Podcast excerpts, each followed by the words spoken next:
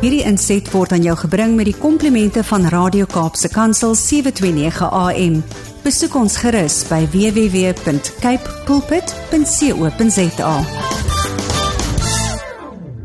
Dag sê luisteraar. Ek is Erika de Tooy vanaf die Wes-Kaapse Vereniging vir persone met gestremthede. Ek het al verskeie kere gesels oor die voorkoming van gehoorverlies. Maar hoe weet 'n mens jy het gehoorverlies? Daar word gesê dat die vinnigste manier om dit uit te vind is om dit almal dit vir jou sê. En dit is gedeeltelik waar. Daar is heelwat tekens wat aanduiding kan gee dat daar 'n mate van gehoorverlies is. Die familie sê die TV is te hard, maar jy hoor gemaklik. Ek kan nie hoor wat gesê word as die spreker nie na u kyk nie of jy kan gedeeltes van gesprekke nie hoor nie wanneer baie mense te gelyk praat. Dit kan ook wees dat familielede vir u vra om sagter te praat. En winkelsentrums is hoogs uitdagend met musiek oral en die gedruis van mense en dit word moeilik om winkelassistente of kassiere te hoor en te verstaan. Al hierdie voorbeelde kan 'n aanduiding van gehoorverlies wees. Maar wat nou wat kan 'n mens doen daaromtrent? Die eerste stap en soms die mees belangrikste is om te erken dat jy 'n mate van gehoorverlies het. Die gemiddelde persoon neem 7 jaar om te erken dat hulle sukkel om te hoor. Maar hoe langer jy wag om iets daaraan te doen, hoe minder word die kanse van sukses. En met erkenning kom die wil om aktief op te tree om hulp te kry en die situasie aan te spreek.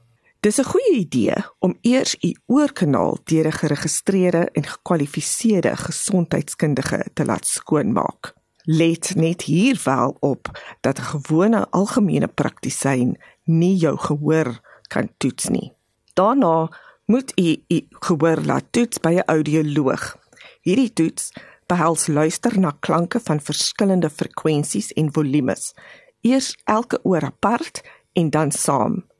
Die resultate van hierdie toets word op 'n audiogram aangedui wat presies wys of daar gehoorverlies is en op watter frekwensies die verlies is. Volgens die audiogram kan die audioloog 'n aanbeveling maak rondom die pad vorentoe of jy 'n gehoortoestel of 'n ander hulpmiddel benodig.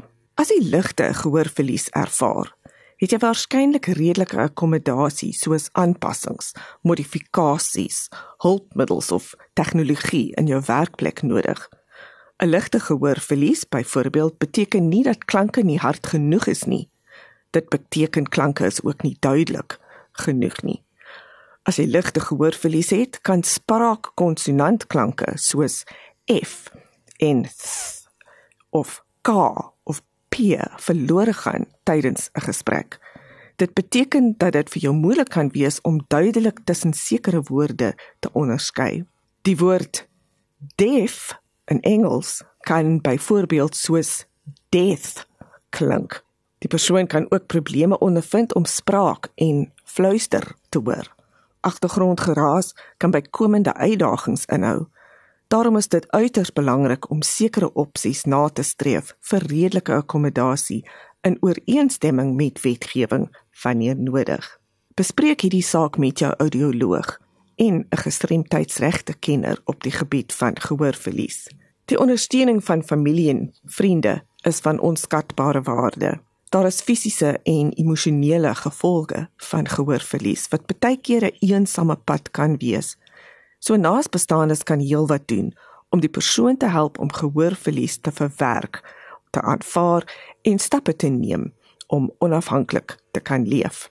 Stuur gerus enige navrae of kommentaar aan my by awareness@wcapd.org.za of skakel my op kantoor by 021 355 2881. Hierdie inset was aan jou gebring met die komplimente van Radio Kaapse Kansel 729 AM. Besoek ons gerus by www.cape pulpit.co.za.